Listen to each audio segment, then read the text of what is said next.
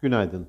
TÜİK Ocak ayında 80.308 konut satıldığını açıklarken bu rakam yıllık bazda %17.8'lik bir düşüşe işaret ederken konut satışlarının ard arda 6. ayda da gerilediğini gösterdi.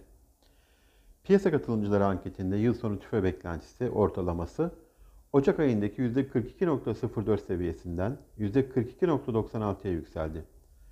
Çin Merkez Bankası orta vadeli krediler için faizi beklendiği gibi değiştirmedi. Bugün yurt içinde ve yurt dışında önemli bir veri akışı bulunmuyor.